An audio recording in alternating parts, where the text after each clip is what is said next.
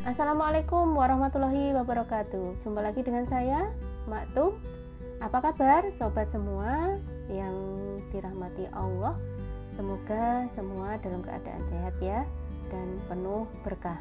Ya, di jeda usia kita Insya Allah saya akan mengikuti challenge tujuh hari ke depan ya. Eh, semoga kalian semua tidak jenuh dengan suara saya yang super duper cempreng gitu ya. Uh, dan semoga tidak menjemukan dan tidak memuakkan.